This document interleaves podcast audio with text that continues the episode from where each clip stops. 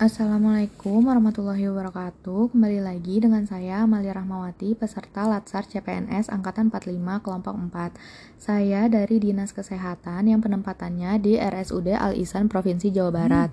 Kali ini saya akan menjelaskan learning journal yang telah saya dapatkan di pelatihan dasar CPNS yang saya pelajari hari ini mengenai analisis isu kontemporer oleh Ibu Novi.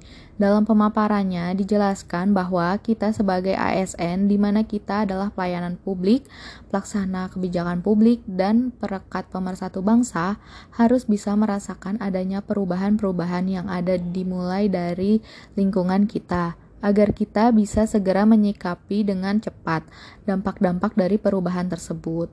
Jika kita tidak bisa menyadari adanya perubahan itu, maka akan timbul masalah dan masalahnya akan semakin luas hingga dapat menimbulkan kehancuran bangsa. Oleh karena itu, kita sebagai ASN harus memiliki modal insani. Apa saja sih yang termasuk ke dalam modal insani? Yaitu yang pertama ada modal intelektual didasarkan pada rasa penasaran atau keingintahuan. Lalu yang kedua ada modal emosional, di mana orang yang memiliki modal emosional itu dapat mengenali emosinya sendiri maupun orang lain. Lalu yang ketiga modal sosial, kita mampu mengenali dan menilai kondisi sosial orang lain uh, di, dan juga mampu mempengaruhi orang lain. Lalu yang keempat ada modal ketabahan, di mana uh, modal ketabahan ini kecerdasan dalam bertahan di kemalangan. Kita harus pantang menyerah dan kita harus kuat.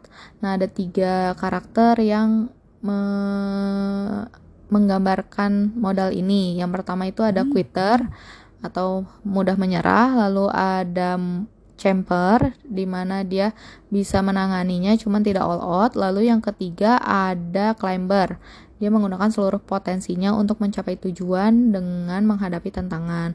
Lalu yang kelima ada modal etika atau moral, uh, di mana terintegrasi, responsibel, penyayang, dan pemaaf. Lalu yang keenam ada modal kesehatan fisik atau jasmani. Ini juga sangat penting bagaimana kita bisa mencapainya jika kita sakit.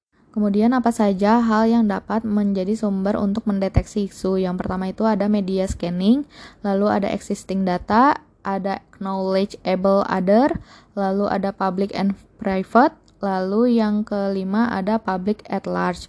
Lalu ada apa saja sih teknik untuk menganalisis isu? Nah, yang pertama itu ada teknik tapisan uh, di bisa menggunakan APKL atau USG. Lalu yang kedua ada teknik analisis isu di mana bisa menggunakan mind mapping, fishbone, SWOT atau tabel frekuensi bisa juga dengan analisis kesenjangan.